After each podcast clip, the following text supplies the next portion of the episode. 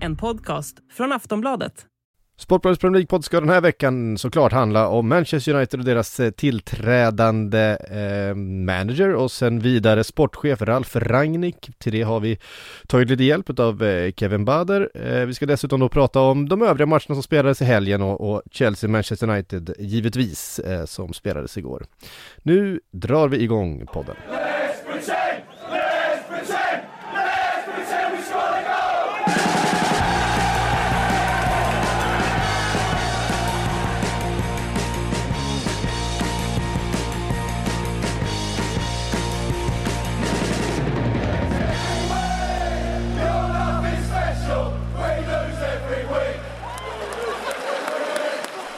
Ja, hälsar vi hjärtligt välkomna till veckans avsnitt av Sportbladets Premier League-podd. Frida Makoto är med i vanlig ordning. Ja. Hallå där. Härligt. Eh, Vi ska släppa in eh, Kevin Bader här om en liten stund också som ska få prata mer om Ralf Rangnick. Men före vi eh, ställer till med den profilen så Frida vill jag att du ska ta med oss till Stamford Bridge igår i, i kylan, snöovädret. Det var kanske inte så mycket snö just där. Det var andra håll i, i England som det var värre med den saken men eh, det såg lite kallt ut ändå. ja, kallt var det onekligen. Ingen snö dock, vilket jag väl är ganska tacksam över. Samhället här borta stannar ju fullständigt när det kommer lite snö, så att det, det vill vi helst inte ha. Men eh, absolut kallt och eh, det blev ju en, eh, en match, ja, en väldigt händelserik match, så skulle man väl kunna säga.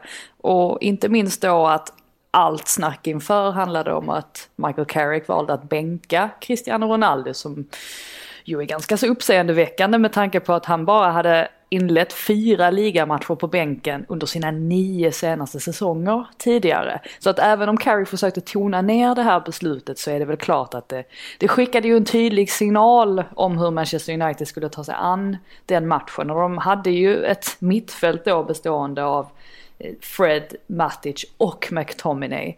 Så att det, blev att det blev lite mer stabilt defensivt hade man väl kunnat räkna ut på förhand.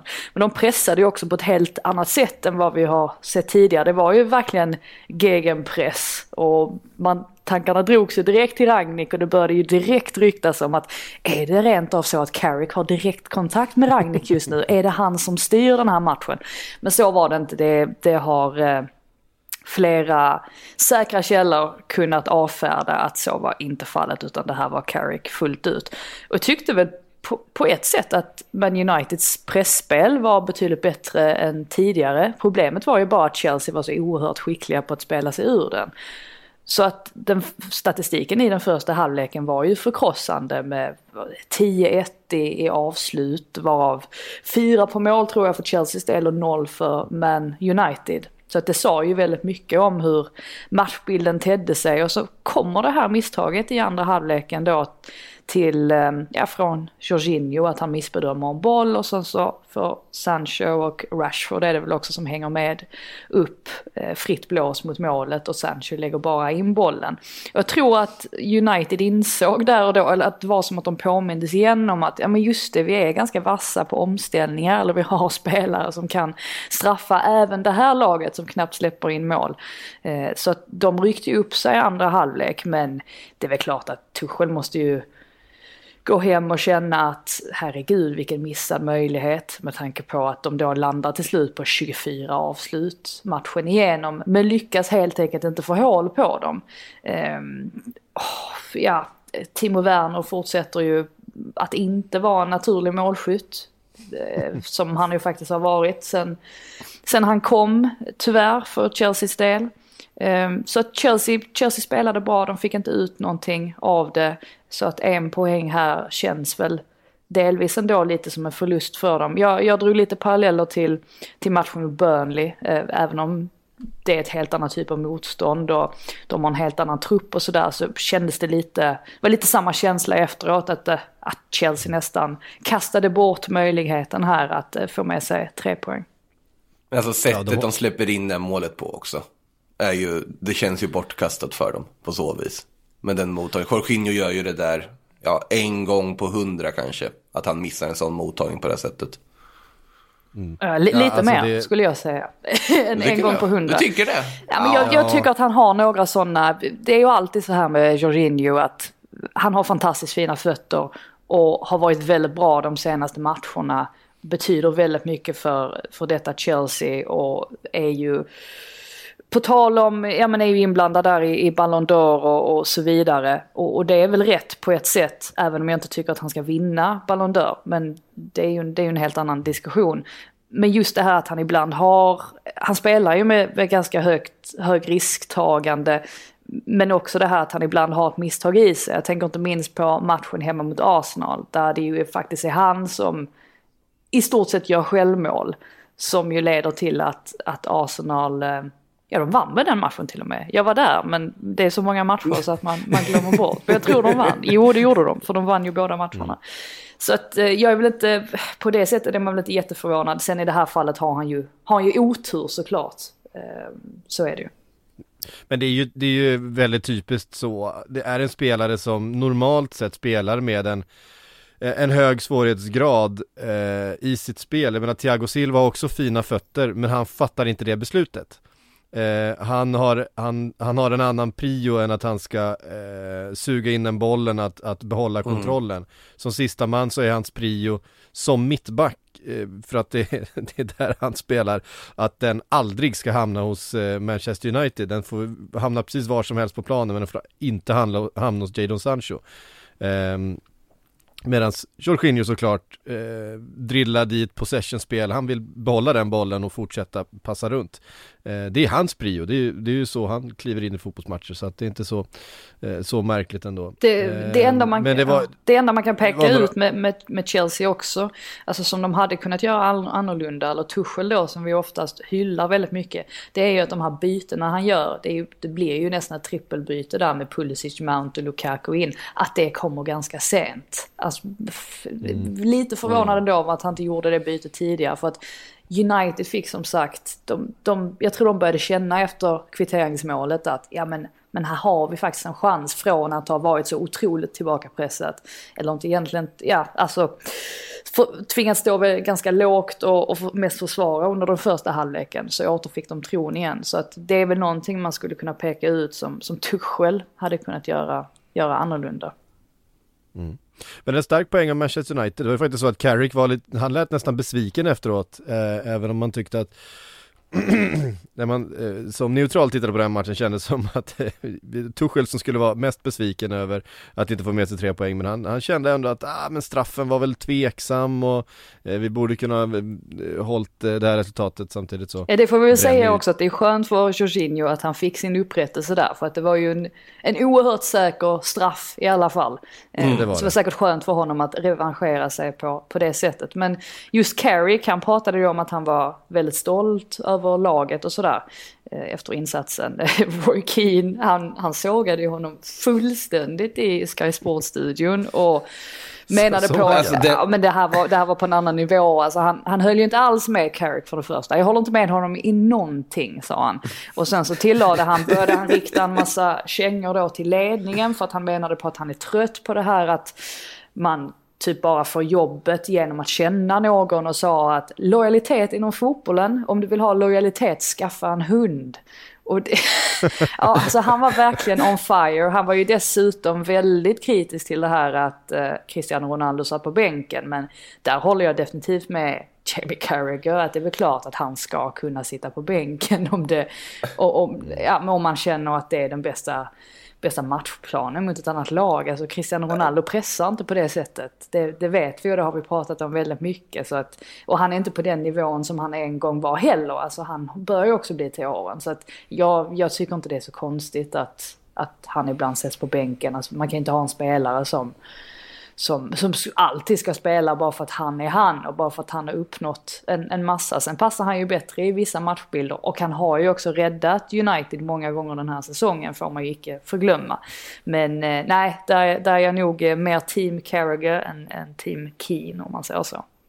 Jag är team diskussionen i alla fall, för det var ju otroligt ja, var... underhållande tv. Alltså när, när de... Men när så är det varje otroligt... gång. Saknar man inte det i Sverige? Saknar man inte jo. detta i, Den svensk, i, ja, men i svenska studios?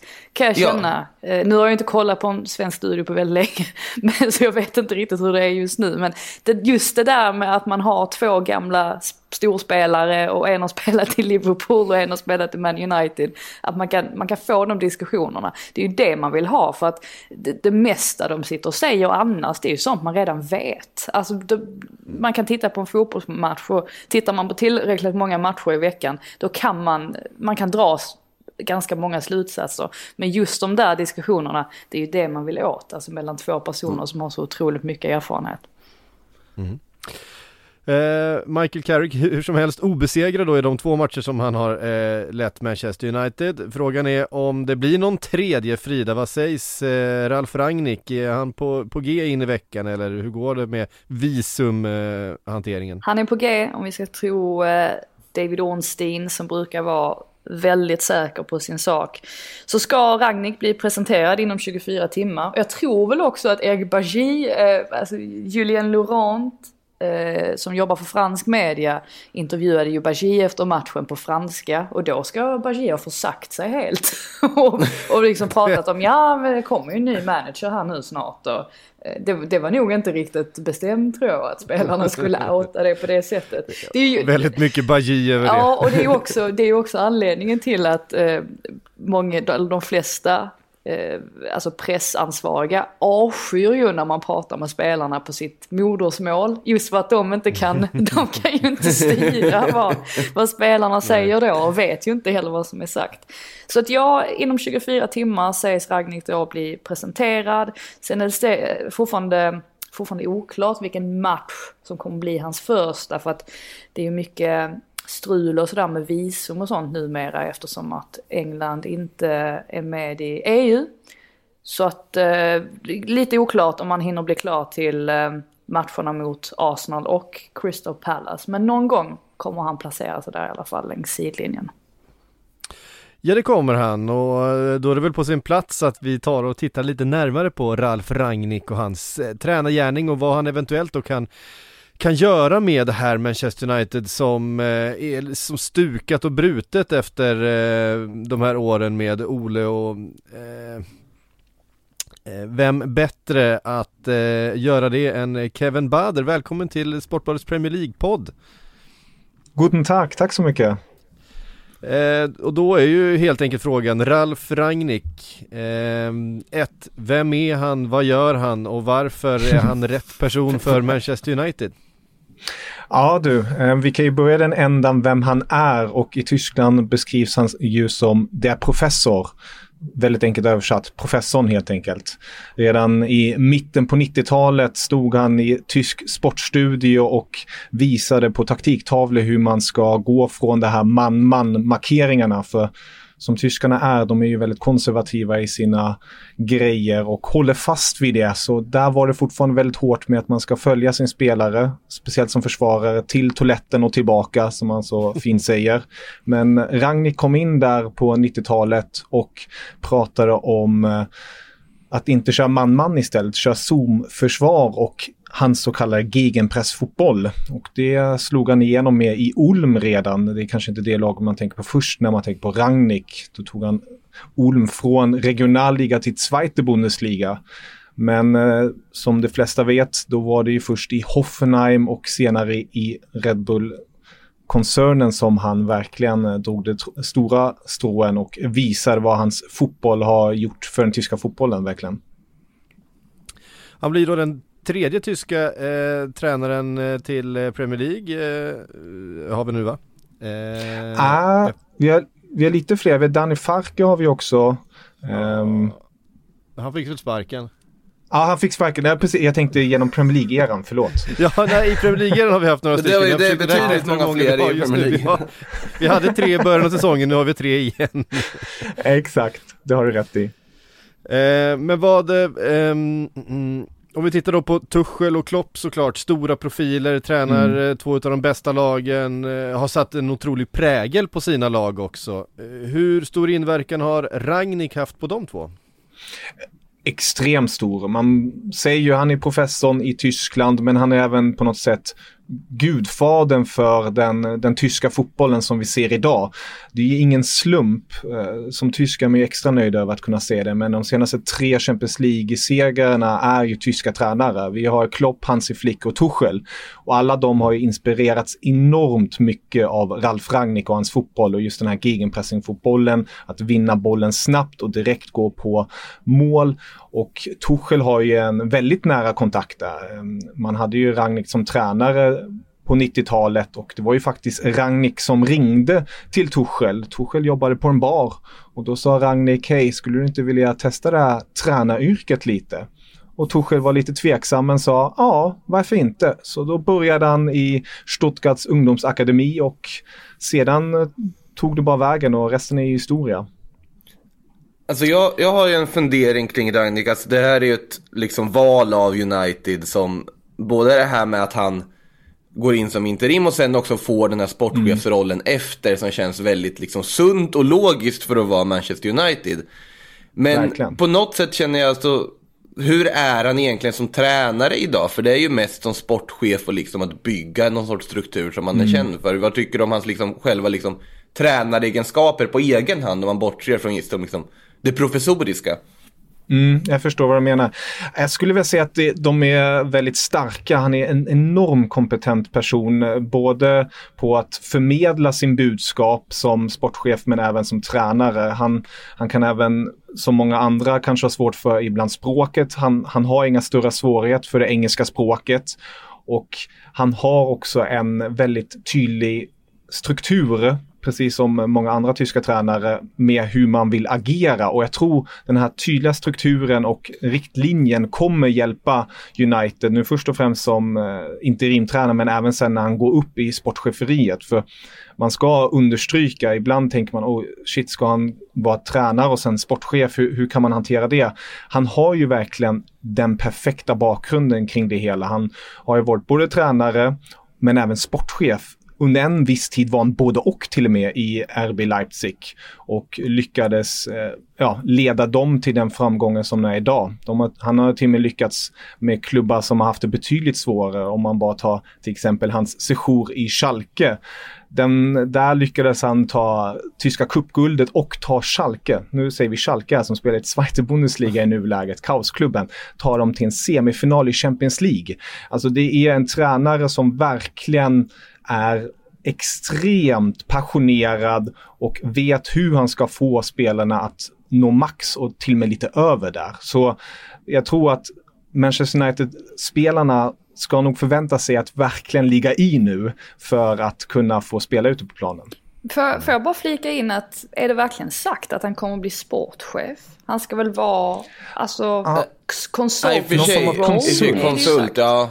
Så att mm. det, det, det, visar, det, det är ju inte han, alltså så som jag har förstått i alla fall så kommer han ju inte ha ensam, han kommer inte ha ensam makt över sportsidebiten. Eh, detta är väl ett faktum är att, det har jag fått höra i alla fall, att anledningen till att de skrev det här kontraktet på, vad blir det nu, tre år va? Det var för att det var det enda sättet att lösa honom från Lokomotiv. Så att det är mm. därför man har gjort den här lösningen att han kommer vara interim fram till sommaren och så har han två år då som där han liksom är uppsatt som konsult. Sen vet man ju aldrig, det, mm. det är ju klart att saker och ting kan förändras men bara så att man, man klargör det att det fortfarande är väldigt ovisst vad han kommer ha för roll efteråt. Och det är det som gör att jag också tycker att den här, ja absolut, alltså Ragnik är säkert en fantastisk eh, tränare, eller han kan säkert lyckas eh, även i England. Men jag är väl mest skeptisk till alltså hur de har tänkt. För jag tror inte att de har tänkt sådär jättelångt utan detta är mer någonting de gör, bara ledningen alltså. Eftersom att mm. de inte har haft någon plan B. Så att det är det enda jag har, jag har invändningar mm. mot egentligen. Jag, jag, jag förstår se... ju, förlåt. Eh, ja, sen får vi väl se vad han då eh, sätter för avtryck på den här eh, truppen och på det här laget. Han har ju bland annat kritiserat köpet utav eh, Ronaldo tidigare. Mm. Eh, I en intervju han tyckte att med Ronaldo hade jag aldrig köpt, han är alldeles för gammal och för dyr. nu sitter han där och ska, och ska ta den och det känns ju absolut inte som en Ralf Rangnick typ av spelare. Han vill ju ha Eh, men han vill ju ha spelare som är väldigt så här, laglojala, jobbar hårt, inte sticker ut för mycket. Han gillar ju inte spelare med tatueringar till exempel för att de eh, då, eh, vill ha allt ljus på sig själva. Han, han vill mer ha den här eh, hårt arbetande lag mm lagspelaren som inte tar för mycket plats i rampljuset och där, där kan vi väl inte sortera in eh, Cristiano Ronaldo 2021 direkt? Nej, det kan vi inte, och, men det blir ändå, jag tror, det, det, blir ju verkligen en stor, det stora frågetecknet att se hur Rangnick löser just Ronaldo-situationen. Men eh, det känns som ändå att Ronaldo är, om man till exempel jämför med en match som var här nyligen med PSG, med Mbappé, Neymar och Messi. Jag tror ändå att det kan vara enklare att få Ronaldo in i ett system som passar Ralf Rangnick än att få in någon av de tre filurerna som eh, spelar i PSG. Men det blir just, precis som du är inne på, det, det, blir, det blir en utmaning kring det hela. Men jag tror ändå att Ronaldo ser vilken väg man måste ta nu eh, i det hela för att man kan inte ligga på latsidan nu. Nu måste United verkligen resa sig för att ta en Champions League-plats. För att nu säger jag inte att Ralf Rangnick kommer in här och kommer vinna Premier League. Det, det, har jag väldigt svårt att se. Men jag, jag tror att Ralf Rangnick definitivt kommer kunna lösa en CL-plats om man får igenom det han vill. Och därefter får vi precis se som Frida säger hur hans roll kommer bli, bli i Manchester United. Men jag hoppas väl att han kommer ha den inverkan på United för det är det som har saknats i eh, Uniteds ledning att man inte har någon som riktigt förstår den moderna fotbollen och hur man ska hantera de olika posterna och alltihopa. Och jag tror också att Rangnick, så som man har hört honom i intervjuer och olika sammanhang, han är inte någon som man bara tjoffar in och sen tjoffar ut och lite, ja du är konsult men eh, säg inte för mycket för att vi har ändå vetorätt och sånt. Så jag tror ändå att han kommer nog få antingen kommer det bli så att de kommer lyssna på honom eller det kommer bli storbråk för att han kommer inte låta sig puttas in i ett hörn eller så. Och det är lite det som man också sa, jag tror, kring Chelsea-posten där, där har du säkert betydligt bättre koll Frida, att jag tror att han uttalade sig där kring interimtränarskapet, mm. att han är ingen interimtränare. Och det är han ju inte för att han ser ju, precis som vi är inne på här, hans möjlighet att kunna påverka Manchester United i det långa loppet. Och det är det som blir eh, verkligen den spännande uppgiften här dagen efter. Men, men Kevin, tror du att han kommer hålla kvar vid sina principer stenhårt? För att det är ju alltid svårt med en tränare som kanske inte har mm. hanterat de här stjärnorna tidigare. Alltså hur han kommer mm. vara. Kommer han liksom fortsätta då vara som han har varit tidigare? Att han föredrar de här liksom hårt arbetande spelarna med, utan tatueringar? Eller är det så att han faktiskt kommer att ändra sig? Alltså vad, vad tror du som liksom känner till honom bättre? Jag skulle väl säga att han kommer väl först och främst gå till sin sin ursprungsplan. Men det ska verkligen understrykas här, han är 63 år gammal, han är tysk, som jag sa innan, vi tyskar brukar vara väldigt konservativa, men han är ändå en som vågar ta in nytt. Han är innovativ, även hur man tränar, hur man ser på fotbollen. Han försöker hela tiden utvecklas. Så jag tror inte att han är främmande om man ser, ah okej, okay, Ronaldo, de har en dialog, de ser möjlighet, okej, okay, men då, då twistar vi till det lite här så att det passar dig lite bättre men vi håller fortfarande det här som jag vill. Så jag tror inte att han är så här, kom in där och säger tyst nu är det jag som bestämmer. Han är ändå en som är lyhörd men extremt krävande på det sättet. Mm. Så det, det blir ändå på sätt hans väg men han är inte dum och håller någon så här tunnelseende i det hela om man säger så. Det blir ju också en, en, eh, en, en eh, vad ska man säga, en kulturkrock kanske då efter de här åren med Ole Gunnar som var allas kompis, var väldigt mycket en, mm. en yes man, eh, väldigt foglig, eh, eh, anpassade sig kanske mycket efter eh, ledning och miljö och så vidare. Här kommer ju faktiskt in någon som, som anpassar sin omgivning istället för att anpassa sig efter den. Eh, och som är beredd att ta en fight för sin filosofi. Exakt. Eh, mm. det, det blir spännande att följa, för där tror jag eh, där tror jag faktiskt eh, har varit en del, en stor del i, i Uniteds problem att det har varit för, eh, för lite av den varan. Eh, tusen tack Kevin för att du var med i Sportbladets Premier League-podd idag och pratade Ralf Rangnick. Vi får väl eh, återkomma då och göra en utvärdering av eh, Rangnick om han, eh, om han tar den där titeln till slut ändå. Ja, tack så jättemycket. Ha det så bra. ha det fint. Hej. Auf Wiedersehen. Hey, I'm Ryan Reynolds. Recently, I asked Mint Mobile's legal team if big wireless companies are allowed to raise prices due to inflation. They said yes. And then when I asked if raising prices technically violates those onerous two-year contracts, they said, "What the f*** are you talking about? You insane Hollywood ass." So to recap, we're cutting the price of Mint Unlimited from $30 a month to just $15 a month. Give it a try at mintmobile.com slash switch. $45 upfront for three months plus taxes and fees. Promo rate for new customers for limited time. Unlimited more than 40 gigabytes per month. Slows. Full terms at mintmobile.com. Och eh, med det så går vi vidare och tar oss till, eh, till Manchester därför att det spelades fotboll i Manchester och det var matchen mellan Manchester City och West Ham och där Frida var det snö, snökaos i första halvlek. Desto mer. Man bara, man bara satt och såg den där planen bli vitare och vitare och vitare och bollen liksom försvann för de hade ju inte den här den här bra orangea bollen väntar man ju på att de skulle slänga in. Eh, vinterbollen. Tips extra bollen. Ja precis, det var den vanliga, vad är det, jag vet inte, den har Ja. ju hur många färger som helst den där bollen att spela med den här säsongen men Det var ju samma, det var ju samma story i Leicester då som spelade samtidigt, Leicester-Watford. Och där ville ju också Backman, eh, Watfords målvakt, han, han ville ju, han stoppade ju, eller pratade ju med domaren kort efter halvtid där och sa att jag ser inte ens bollen. Så att det var ju ett, eh, ett problem som förekom på fler platser. Jag kan ju ändå förstå varför man ställde in mötet mellan eh, Burnley och eh, Tottenham för att snön kom ju lite tidigare till Burnley så att de kunde ju se faran där direkt.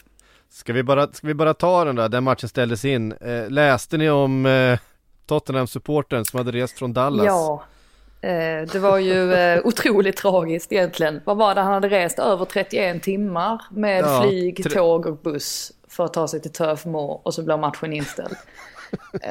Står han där, står han där utanför Turf Moor i full snöstorm och, och ja, det är bara att vända hem Men, igen. men, men det jag gillade bäst, för att han lade ju upp en... eh, eh, han twittrade ju om att han skulle dit och sådär, oh liksom 31 timmar men det är värt det och den sista tweeten var väl på att han liksom var framme i Burnley.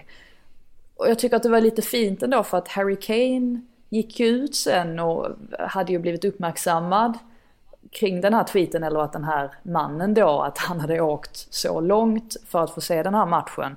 Och nu har ju Harry, Kane lovat att han ska få komma tillbaka under säsongen och gå på en hemmamatch och vara Kanes egna gäst på den matchen. Ja. Men det som var fint var ju att det var inte som att den här mannen, det var inte han som bad om det. Det var inte han som, liksom tyckte, som, som skrev någon snyft-tweet om att åh kolla hur synd det är om mig som har rest så långt. Utan det var ju faktiskt att han bara hade lagt upp den sista tweeten. Och sen bara f- var det helt tyst efter det. så att ja, det var ju fint ändå av, av Kane och, eh, och komma till eh, undsättning på det sättet. En fin gest. Ehm, ja precis. Uh, Ken17 heter han på Twitter om ni vill uh, leta upp honom. Ja, det, är, det är så jävla bra story. Men det är också eh, extremt tacksamt öppet mål för, för klubb och spelare att, eh, att plocka upp den och bjuda in honom. Det är klart de måste göra. Absolut. Eh, bra, tillbaks till Manchester City. Eh, där snön också vrä- vräkte ner, den matchen spelades. Eh, 2-1 till City efter en del om och men. Ehm, West Ham skapade en del eh, och ställde till problem i, i perioder i alla fall men fick inte låna bollen sådär jättemycket. Nej, så var det ju. Och eh, det är så många i, nej men det är väl klart alltså när man tittar på, du pratar om Manchester City-matchen va? Förresten. Ja. Nej, det, var- alltså, det var inte så mycket bollinnehav hit och dit i Burnley Spurs så det kände jag ju tagit Nej men precis, men jag blev osäker och tänkte vilken, snö, vilken snökaosmatch pratar vi nu om? Ja Av de precis, ja, som det, var. var, det var några stycken. Ja, nej, men det, absolut. Och här var ju Manchester City, ja men när de är sådär, när de liksom kastar fram sina, sina stjärnor på det sättet som de gjorde igår. Jag tyckte framförallt att Gündogan var väldigt bra, Cancelo var bra, Rodri, Bernardo Silva. Då blir det svårt att stå emot så att trots att West Ham får in den reduceringen där på övertid så kändes det väl som att det här var en sån där match som Man City bara skulle plocka hem. Och målchanserna säger ju i sitt också. Eh, 19 målchanser från City och, och 5 för, eh, för West Ham. Så att eh, Eh, nej, de skuggar ju Chelsea i tabellen nu med bara en poäng. Så att det, man kan väl tänka sig att om de fortsätter på det här sättet så eh, kommer de nog gå om, gå om snart. Det kommer i alla fall krävas av Chelsea att man inte tappar poäng på det sättet som man gjorde mot Man United om man ska fortsätta hålla dem bakom sig. Matchens lirare var väl planskötaren enligt Pep Guardiola efter den här matchen. Ja. Och det, det, det, jag tyckte de gjorde ganska bra jobb måste jag också säga, sett till hur galet det faktiskt såg ut med snöstormen. Men alltså, det är ändå ganska imponerande att de trots de här förhållandena, såklart det är lika för alla, men det känns ju som att ett lag som City borde bli något lidande av att det liksom ser ut som det gör runt om. Men de, de är så pass bra och har en så pass hög grundnivå just nu att de passar runt sig och gör exakt det de brukar göra oavsett hur det ser ut på planen och oavsett hur det ser ut i luften och oavsett vilken motstånd det är. Uh, ja, det här var ju verkligen en dag på jobbet, måste vara en kylig sådan för dem. Mm. Eh, nej men så var det och det, det var ju fantastiskt faktiskt hur planen var grön igen till andra halvlek och då hade ja. det slutat, slutat snöa. Sen har, eh. har de inte värme i, i gräset eller? Det har väl de flesta stora arenor? Jo, det, det, har de det måste ju hjälpa tänker jag. Alltså att... Något hjälper det nog antagligen. Eh, framförallt hjälpte det att det slutade snöa. Ja, det, det är Primärt det. Eh, eh, annars hade det varit, eh, varit jobbigt. Eh, seger för West Ham, seger också för Arsenal med två mål mot noll mot eh, hopplösa Newcastle längst ner i tabellen och det har ju inte direkt blivit någon eh, eh Saudiarabisk bounce i spelet sen köpet. Det, det, eh, det, ser tufft ut för, eh, för Newcastle just nu även om Arsenal kanske inte gör sin absolut bästa match så 2-0 tydligt. Ja, det är ju ungdomarna som slår till igen när Aubameyang, mm. jag vet inte vad han, han gör. Han är inte sig själv i alla fall. Så mycket kan man ju, kan man ju säga. Och jag tänkte väl också att man kanske skulle få se den här Eddie Howe-effekten nu från Newcastle. Mm. Men herregud vad den uteblev.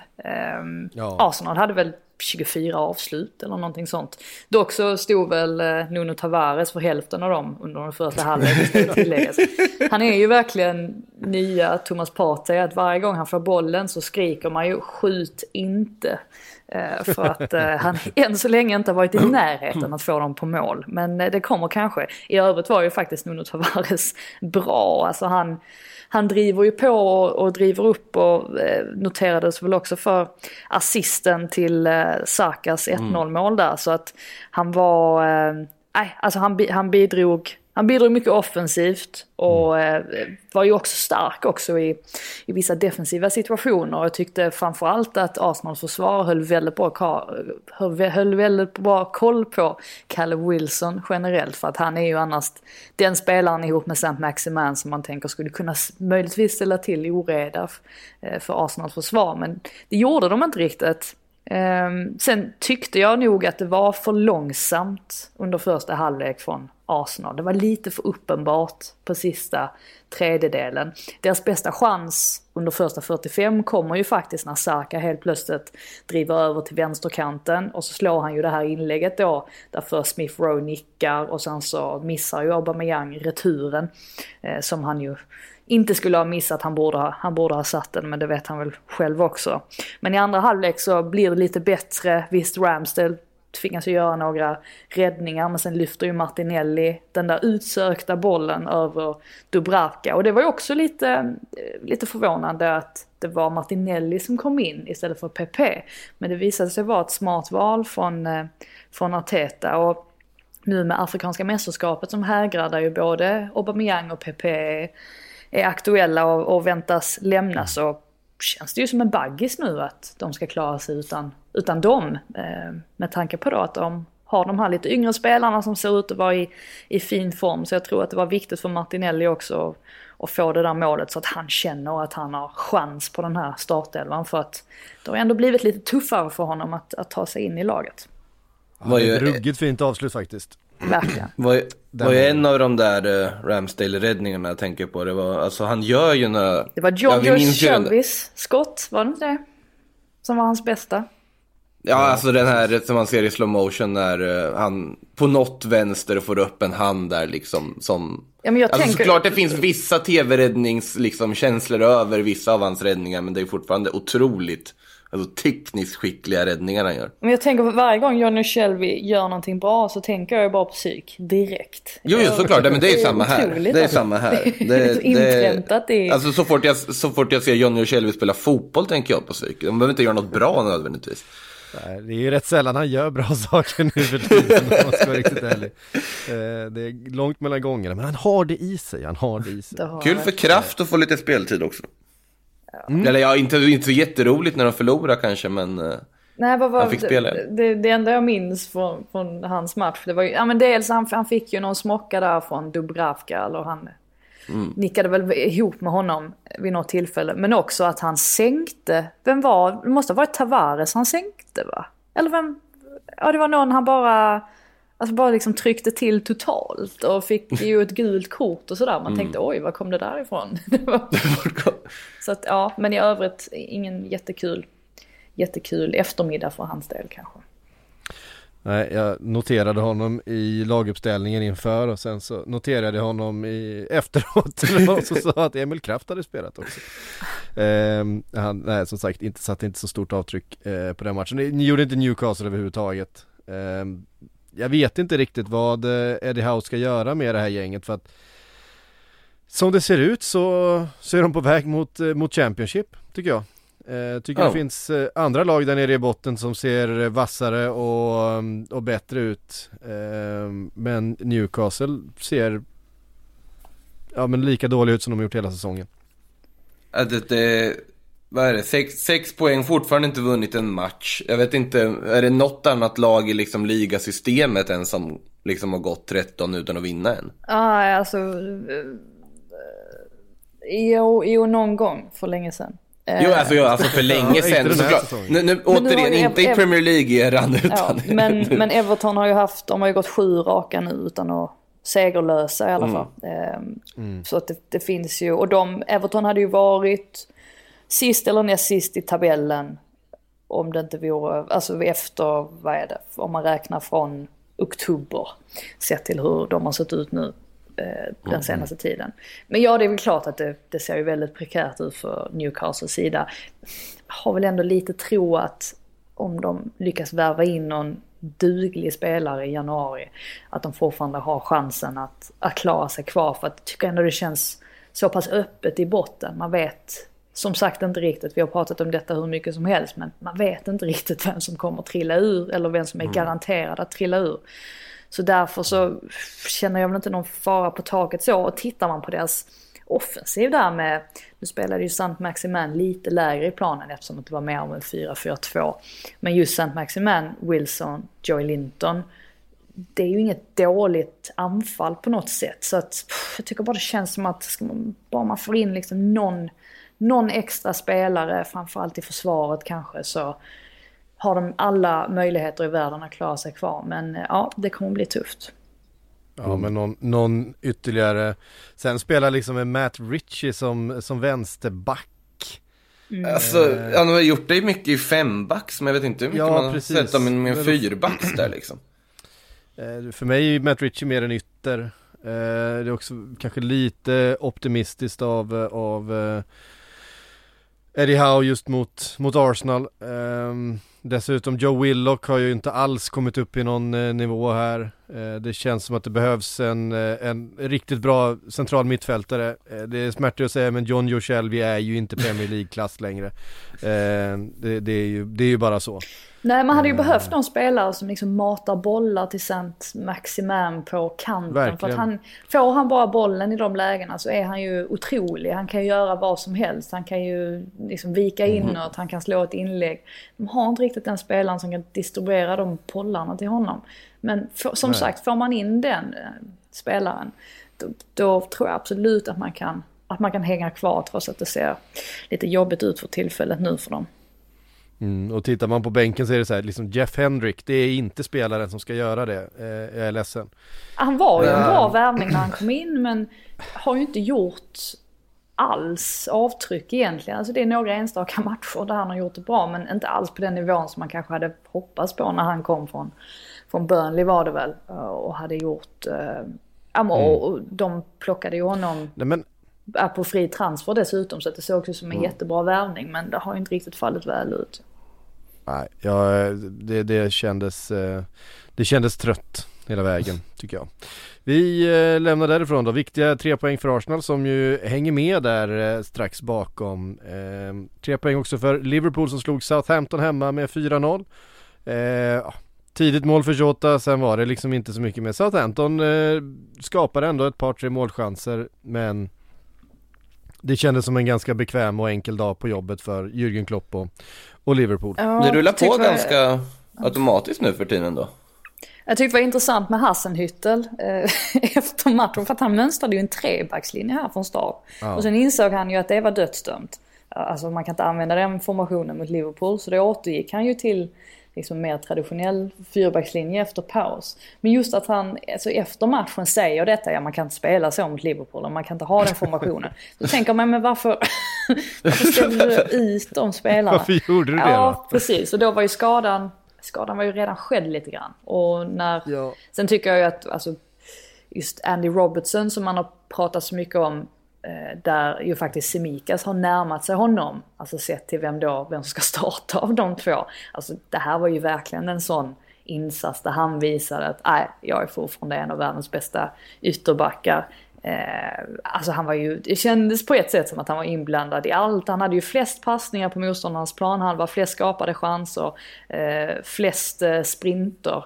Han var mm. verkligen på hugget och när både han är på hugget och sen så har man liksom Alexander Arnold på, på andra kanten, man har Mané, Jota, Thiago för den delen som gör ju en av sina bättre matcher också. Nästan så att, jag kommer ihåg när Thiago när han presenterades av Liverpool så satt man och kollade igenom så här highlights-paket från Bundesliga och på det här sättet som han kunde vända bort sex spelare i en enda rörelse och hitta fram med bollar i djupled och sådär. Nu gör han ju faktiskt det och har gjort på sistone. Alltså på, på ett sätt som man inte har sett tidigare.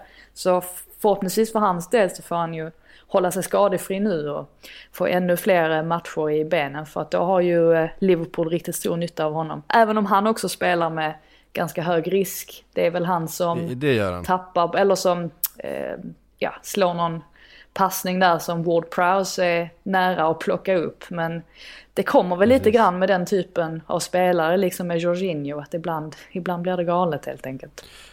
Ja men jag tror att det är så. Det här ska man ju säga att eh, det här är faktiskt bara tredje gången som eh, på de här nästan en och en halv säsongerna nu då som Jürgen Klopp startar med vad man förmodar är hans, hans mest för, föredragna mittfält, alltså Fabinho som sittande med Henderson och Thiago framför. Mm. Ehm, och att det, det, är faktiskt bara tredje gången som de tre startar tillsammans så det ehm, att de kan hålla sig skadefria nu eh, kommer bli, inte minst när, eh, för det kommer bli mycket fokus på att Salah och Mané lämnar för Afrikanska mästerskapen och då kommer de behöva ett, ett mittfält som kan hålla i bollen, som kan fortsätta hålla nollor. Eh, och sen för, såklart eh, Diogo Jota som gör två mål i, i helgen, att han fortsätter göra mål. Eh, kommer ju bli oerhört centralt. 39 mål nu på 13 matcher för Liverpool. Ja, det är ganska hyfsat.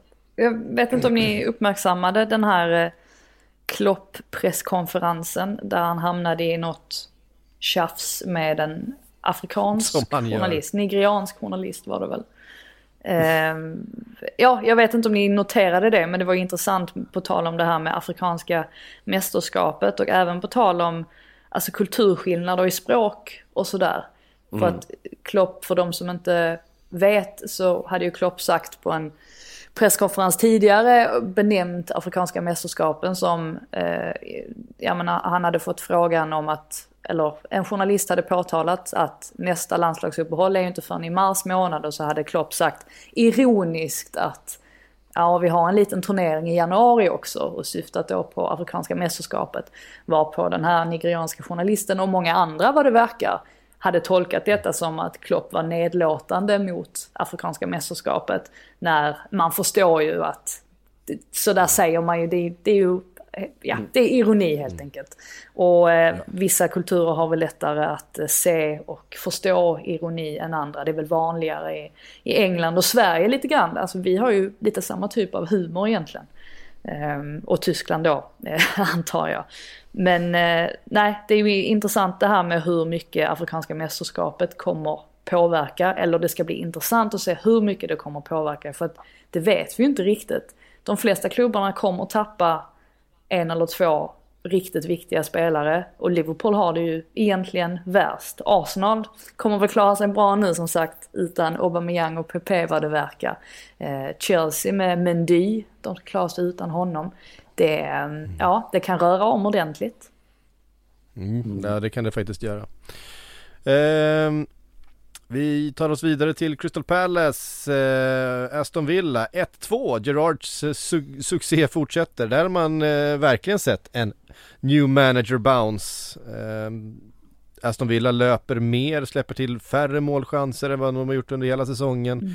Eh, där har man verkligen fått den där effekten som man eh, ibland får av en ny tränare. Att det, Eh, blir mer energi och intensitet i, eh, i laget och fullt rättvis eh, 2-1 seger även om det kunde blivit 2-0. De, grämde sig lite grann över att de släppte in det där målet. Jag tror att de har fokuserat väldigt mycket på försvarsspelet och att kunna få en andra, en andra nolla här också hade betytt en del men, men segern är ju det som räknas i, i slutändan. Vad, vad har sagts om, om den här matchen och Gerards entré, Frida?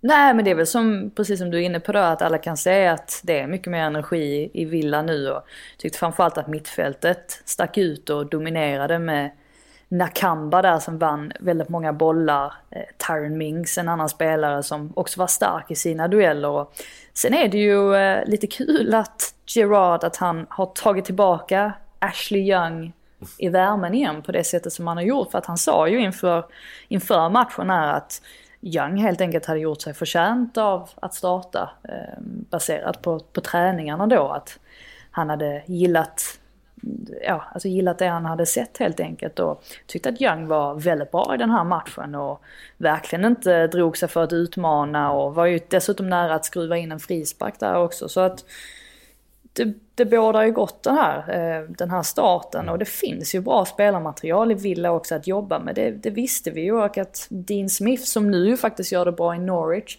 att det ibland bara blir så att en tränare, alltså han, han har fått ut max, han har varit där så lång tid att man behöver en, en ny start och eh, mm. det har de ju verkligen fått här. Eh, måste tillägga också att alltså domaren Michael Salisbury gjorde ju sin Premier League-debut här och det märktes ju verkligen får man ju säga. Det är inte ofta man ser en, en domare ha så lite känsla för att eh, eh, ja, släppa fördel vid, vid ett uppenbart läge och sådär. Och han visade ju till och med ut Douglas Luiz Eh, men fick ju räddas upp då av VAR som såg att det där var ju absolut ingen utvisning. Så att en, eh, en, en tuff debut för hans del. Vi får väl hoppas för alla skull att han, eh, att han lär sig av sina misstag och blir bättre efter det här. Mm. Alltså man undrar ju vad Danny Ing sitter och funderar på bänken också. Alltså inget inhopp överhuvudtaget. Ja, han har inte varit läget. bra heller. Så att... Nej, men alltså det var ju också så här att när han gick till Villa då var det ju också väldigt mycket snack om ännu större klubbar med tanke på den succé han har gjort i Southampton. Så att... Och nu sitter han i ett läge där han väl, om Ashley Young ska användas som någon sorts ytter och gör det så pass bra som han gör. Och du har, har liksom Leon Bailey också som du värvat in och du har Ollie Watkins. Alltså det är, det är inte lätt att slå sig in för Ings eller lätt att hitta något sorts flow eller lätt att få möjligheten att göra det heller. Så det är en kan bli en ganska intressant situation där. Mm. Men jag tycker det är ändå ett ganska bra läge eh, och det var som det var eh, Någon som var inne på, nu minns jag inte vilket sammanhang jag hörde det men att det var Det är ju på något sätt perfekt läge för, för Steven Gerrard att ta över just det här laget eh, För det är ett lag som har investerats jättemycket i Det är ju inte så att, att Dean, och Dean Smith har gjort ett jättebra jobb med det här laget det, liksom, Grunderna finns där Det som kanske var problemet och det som någon har varit inne på är ju kanske lite grann att Dean Smith, Dean Smith blev för mycket kompis, så det blev liksom för bekvämt. Eh, lite grann. Eh, det blev liksom, man föll in i lite gamla hjulspår och eh, det räckte liksom med en, med en ny röst och lite nya idéer, lite mer entusiasm eh, på, eh, runt omkring och, och någon som kunde eh, ställa krav kanske på ett sätt som Dean Smith inte lyckades göra på slutet. Um, för det var ju liksom inget trasigt lag han kom och tog över, ett lag fullt av, av inre ehm, sprickor, spelare och tränare som mådde dåligt. Uh, förlåt. Utan ett, ett Aston Villa som eh, hade byggts om lite grann och som letade lite men som i grunden var ett, eh, ett, ett lag som fungerade. Um, så att ett, ett tacksamt läge för Steven Gerrard, Gerrard att kliva in i. Uh, och det är väl det han också varit inne på i sina uh, intervjuer att uh, you have to suffer. Det är väl, det är väl hans, hans filosofi väldigt oh, mycket. Du måste, du måste, du måste ha ont, du måste, du måste plåga dig ehm, för att få de där poängen. Ja, får se hur länge det håller men det är ju två raka vinster nu i alla fall så att mm. det är ju alltid något. Är det, är det liksom eh, Matteus Cash-effekten också annars? Det är väl de två matcherna han faktiskt officiellt är polack nu, Matti Cash, efter att ha spelat landskamper för Polen. Jag tycker det är väldigt roligt när lag, spelare gör så här oväntade landslagsbyten. Eh, som i Cashs fall. Ja, det var ju väldigt konstigt dessutom, för att han är ju, han är ju knappt polack. ja, men det, det, alltså, det, det blir extra roligt. ja, vad är det, hans mamma är... Är hans mamma ens helpolsk? Jag alltså, tror att hans mamma är polsk. Men det, hon, hon kan prata inte, polska ja. i alla fall, så mycket vet jag. Ja. Det kan ju inte han, det, tror jag. Det är inte Nej. riktigt en sån här Ben Brereton situation när, eh, när det var liksom FM-spelare som hittade honom i Blackburn och insåg att vänta ett tag, han är eligible för Chile och sen har han blivit liksom världens supporterfavorit borta i sydamerikanska kvalet och i Copa America och allt för Chile. Eh, inte riktigt samma situation, Cash verkar ha varit medveten om det själv, att han faktiskt skulle kunna göra ett sånt byte. Mm. Men det är väl, det är väl lite så, lite som Michael Antonio och Jamaica. Mm. Um, ja, och det är ju kul för Jamaica. Han uh, har ju gjort några riktigt fina mål för dem ju. Mm. På sistone mm. faktiskt. Och sen de spelar med Leon Bailey dessutom. Just det. Var det en sån sak? Eh, vi tar oss vidare till eh, Leicester Watford, den andra riktigt snöa matchen. Eh, där trivdes han, eh, Jamie Vardy, eh, tvåmålsskytt. Eh, och ganska fina, ganska fina mål dessutom. Eh, men det, det satt ändå ganska långt inne och det krävdes då eh, mål av Ademola Lukman på slutet för att verkligen säkra med eh, sitt 4-2 mål då. Det, eh, en, intensiv, en intensiv match i, i uh, ymnigt snöfall Frida. Det var ja, jag har... på något sätt riktig engelsk fotboll någonstans. Ja precis, jag har, jag har en eh, anekdot kring den här matchen också trots att jag satt på en eh, annan arena medan den spelades. Men, men efter efter Man United-matchen så, eh, min italienska kollega till vänster om mig, Stefano, eh, på Gazettan, eh, han, han, helt plötsligt pratade han i telefon och så hörde jag att han pratade italienska och så, ja, pratade säkert en tio minuter sådär och så la han på och så eh, tittade han på mig och så sa han, ja Frida, eh, Claudio han är, han är inte nöjd sa han. Och jag fattar ingenting. Jag bara, vem är Claudio? Alltså jag, jag vet ingen Claudio. Han bara, ah, nej Claudio han sa det att det, det, var, det var liksom inte, de hade otur och sådär. Och jag fattar ingenting. Så jag fick ju liksom fråga då, vem, vem pratar de? Han bara, Claudio Ranieri. Jag bara, jaha okej. Okay. Jag tänkte ju inte att han skulle ringa upp honom där och köra ett samtal. Satt och spontansurra med honom i telefon ja, där på pressläktaren. Det, det, är så man gör tydligen när man är italienare. Stefan har i och för sig varit, han har jobbat, han är ganska gammal så att han är ju, eller vad säger man, gammal i gamet. Så att jag kan väl tänka mig att det inte är, eller det är väl inte sådär jättekonstigt att han har en god relation till Claudio Ranieri. Men det var ändå lite mm. sådär, jag, jag blev helt tagen på sängen, fattar ingenting. Men eh, så... ja, Ranieri var inte nöjd i alla fall med, eh, med eh, såklart inte med resultaten men framförallt eftersom att han tyckte att Watford ändå skapade tillräckligt mycket för att få med sig någonting från den här matchen. Men att man var dels lite slarviga i försvarsspelet men också att, ja, att man hade lite otur helt enkelt i, i avslutningslägena och att sådan är fotbollen att det här ibland sker. Ja. Um, Eh, verkligen, jag förstår, han var väl inte helt nöjd med vädret heller kan jag tänka mig för det var, var rejält, det var, ju, det var ju svårt att se spelarna emellanåt i vissa kameravinklar. Eh, tror jag är en av de snöigaste matcherna jag någonsin har sett på tv. Alltså man lider ju med, med tanke på det jag nämnde om Bachmann också, att de påpekar det där om bollen liksom, släpper in fyra bakom sig också, stackaren. Mm. Jo, Står men det- där och fryser. Men det var som eh, kommentatorn sa, fan jag skrattade åt det. Ehm, Ja, för att planen var ju helt grön under första halvlek. Och det var ju då Backman släppte in, ja han släppte ju ändå in tre bollar. Så att kommentatorn sa ju det liksom att det är så dags att börja gnälla på det. Eller planen var ju helt grön första när hon släppte in tre. Alltså att de ens säger det sådär i, i, i direktsändning, det är lite, lite skönt ändå på något sätt. Eh, en- Väldigt engelskt. Ja, precis. En spelare som man ju faktiskt bör eh, lyfta fram här är ju ändå James Madison som hade en del frågetecken kring sig för bara några veckor sedan. Men som verkligen har hittat tillbaka eh, ja, alltså till, till sin, sin klassform eller den som man känner igen honom som. Eh, tyckte att han tog många smarta löpningar här och Ehm, ja, alltså många, ja man var helt enkelt inbland, inblandad i anfallsspelet på ett sätt som vi inte riktigt har sett tidigare under säsongen. Så att det är ju verkligen skönt för Leicesters del att han är på väg tillbaka. Eh, och så var det då såklart som sticker ut i matchen här med sina två mål. Mm. Vi eh, tar oss vidare till Brentford-Everton. Vi var inne på det att Everton har en riktigt tung period bakom sig här och mm, eh, Ivan Tony eh, från straffpunkten eh, Inga problem, det var, en, var nästan en sådär eh, lite, lite lätt förnedrande straff. Så här, en, eh, ett steg bak bara. Han gör ju alltid det. Eh. Han gör alltid samma rörelse innan en straff. Och han har ju inte missat en straff. Han har aldrig missat en straff i Brentford. Och jag tror att senast han missade en straff var typ 2015 eller 2016. När han spelade i Peterborough eller någonting sånt. Så att han är ju en väldigt säker straffskytt eh, generellt sådär. Alltså, Ja. man tittar på, liksom, vi var inne på att Everton har det tungt. Och såklart, ja, Rikarlison borta här, Calvert Lewin skadad, André Gomes skadad, Jeremina skadad och så vidare.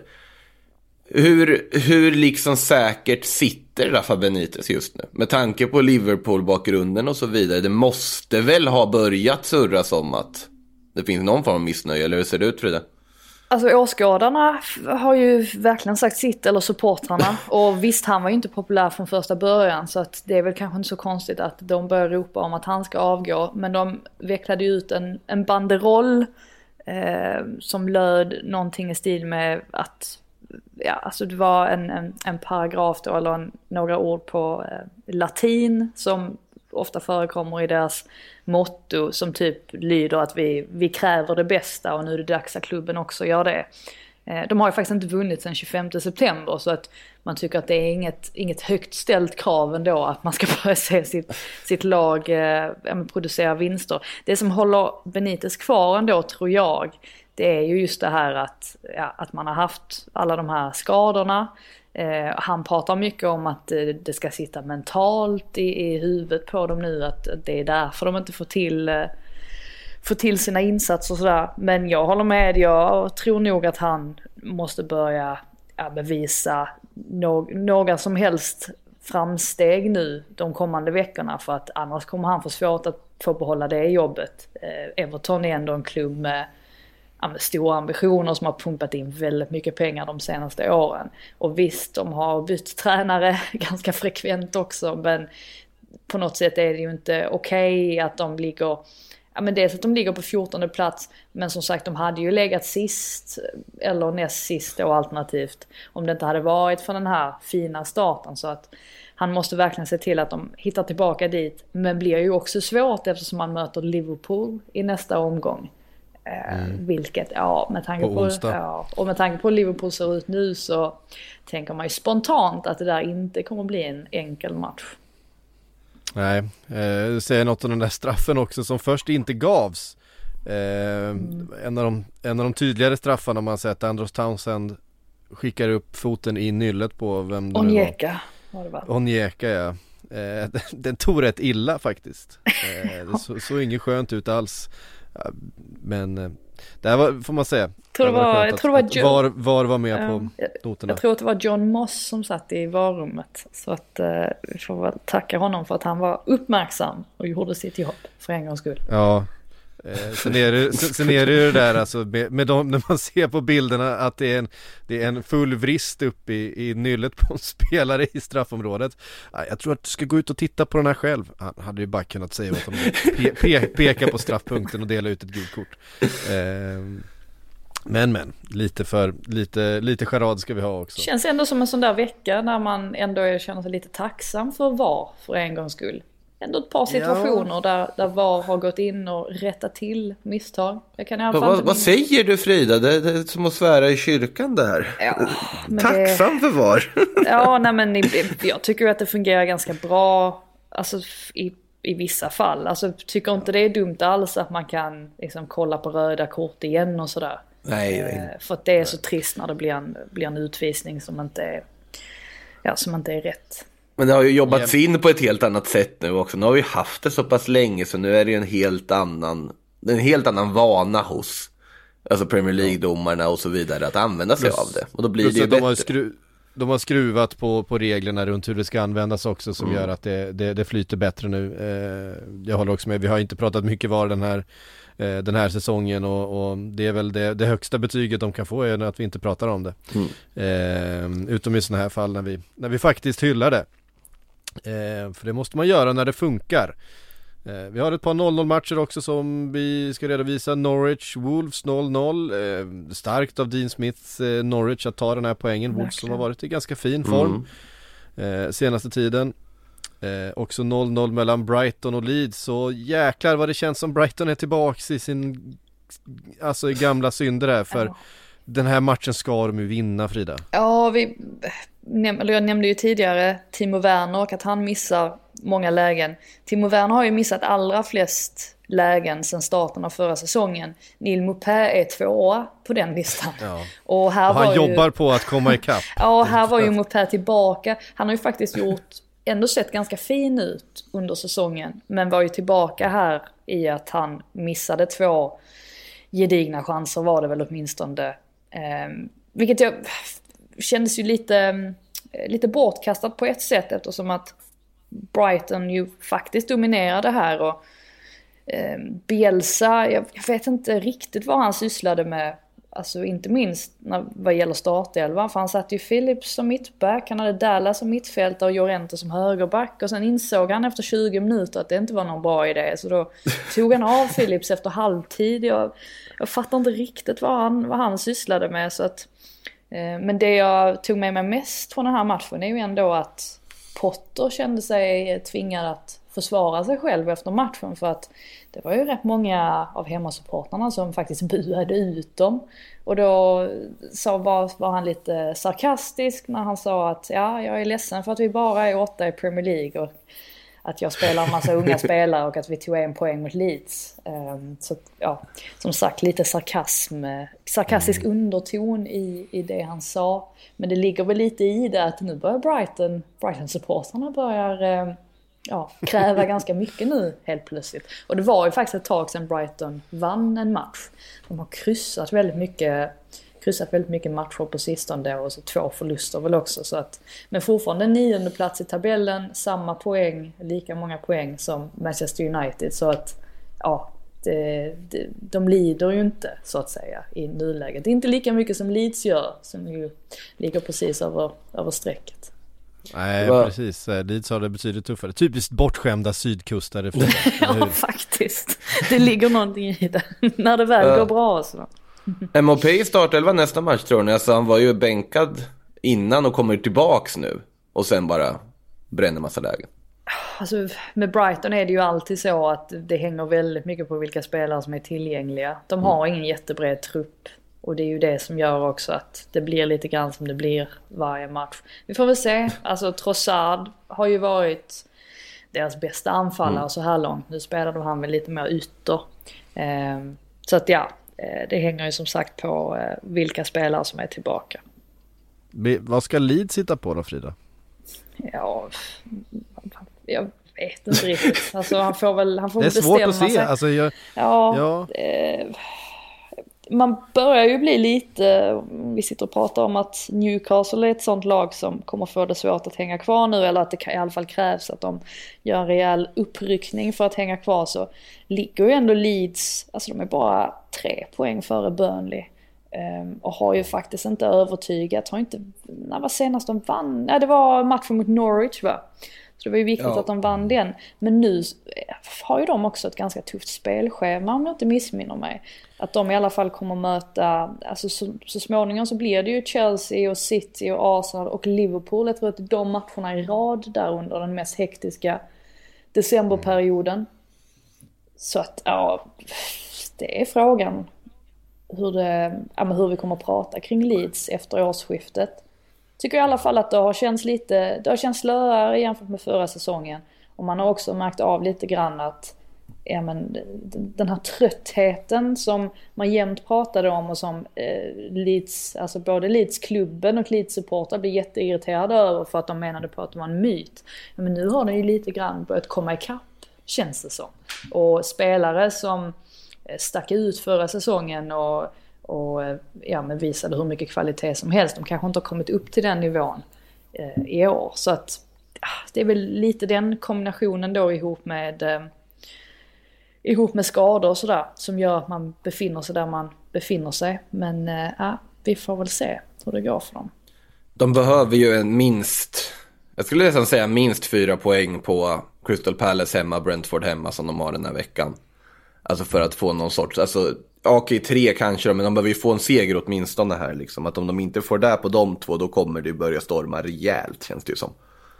Jag känns, och nu, det känns som att vi också haft eh, mycket undanflykter åt Leeds. Ja men eh, Rafinha har varit borta och det har varit Calvin Phillips när han kommer tillbaka så kommer det se bättre Och ut. Bamford det Vi gillar. Bielsa. och Bamford, Bamford är fortfarande borta men nu är Calvin Phillips där, nu är Rafinha tillbaks. De har liksom Daniel James eh, som de köpte in i somras som ändå har sett ganska fin ut.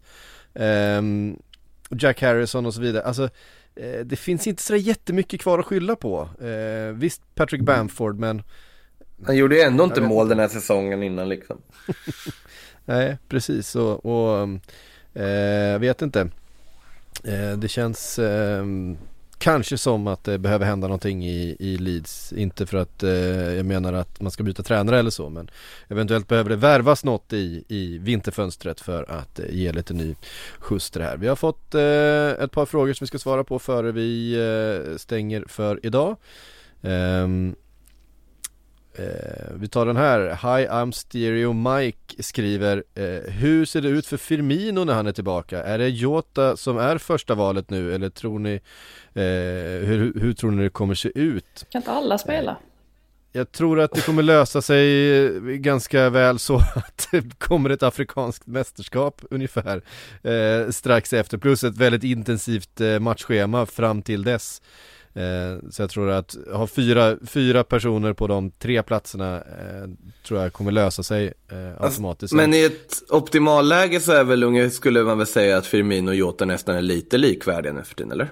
Jo men det, så skulle jag säga, personligen så ser jag ju, även om jag tycker Jota är fantastisk och Mm. han har varit väldigt, väldigt bra och gör mycket mål eh, Så tycker jag att hela laget funkar bäst när eh, Firmino är med för då får man eh, ytterligare en, eh, en spelare i den Ja men han, han, han tar upp en yta som är väldigt svår för motståndaren att hantera. Han vinner ofta de här andra bollarna eh, i en yta som eh, eh, motståndarna liksom ofta är felvända eller eh, inte helt eh, tidiga in i. Det, eh, det gör väldigt mycket, man ser hur det påverkar mittfältsspelet och sen i slutändan då Mané och Salas ytor som, som uppstår i, i djupet när han spelar. Så att där tycker jag ändå att den högsta, högsta nivån finns för laget. Men frågan är ju hur de ska ställa upp med Firmino och Jota eh, under den månaden när Mané och Salah är borta. Då blir det väl förmodligen Firmino i mitten, Jota till vänster och Minamino. Minamino eller Origo eh, eller Origi till, till höger. Eh, eller om Jota spelar till höger och Origi, Minamino till, eh, till vänster. Vi får se eh, hur det blir. Men någon, någon utav dem kommer få dra ett lass där. Ja jösses. Eh, Helt enkelt. Eh, Martin Karlsson sk- skriver, blir det tack och hej för Maguire och Shaw i Ragniks backlinje? Eh, bra fråga. Tack och hej hade varit lite en interimlösning. Går in och... Maguire är lagkapten. att, Alltså man, man vet ju inte. Jag tycker att det känns, och det var just därför jag ställde den frågan till Kevin också. Att hur, visst man kan läsa in sig hur mycket som helst på hur eh, Ragnik har varit i, i andra klubbar och sådär. Men hur kommer han vara när han kommer till den här typen av klubb? Det är ju det man är så oerhört intresserad av att se. Ja, jag vet inte vad det kommer innebära eh, för Maguire exempelvis. Det beror väl lite på vad Ragnik tycker om eh, Bagi antar jag. Ja, Och Lindelöf. Och sen har vi ju, när kommer Varann tillbaka? Han måste väl vara tillbaka ganska snart. Det var väl inte, det var väl inte en så allvarlig skada ändå han drog på sig. Så att, Varann lär ju spela. ja, det, han det har jag svårt att, det har jag svårt att se annat. Men det, jag- det tror jag också. Men det är ju det jag menar liksom att, att då blir det ju ännu tuffare.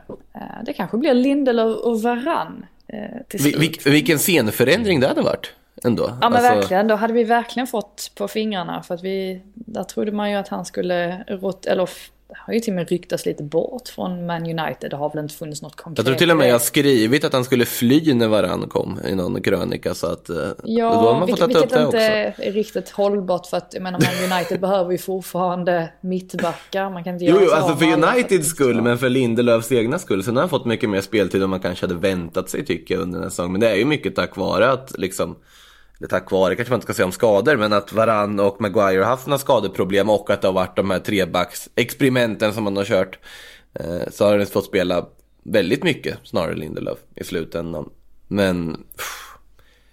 Alltså jag tror, jag, jag ser frågan här också, frågar ju också hur man gör med Pogba om man säljs i januari, frysbox eller spelas han. Jag tror ju ändå att en tränare som Ragnik, utan att veta, så tror jag att han ändå ser att vissa spelare, typ Paul Pogba, att det finns en sån enorm kapacitet i en sån spelare att, att såklart han ska spela. Eh, och jag tror att en spelare som Pogba skulle faktiskt kunna frodas eh, under Ragnik. Men det beror beror ju helt på vad det är för, liksom vad han ser som den vinnande formeln med det material han har just nu. Eh, och hur, hur han resonerar på så. Jag tror att Cristiano Ronaldo kommer väl såklart spela sina matcher på att han har den spetskompetens han har. För Ragnik är inte dum när han liksom ser spelarna.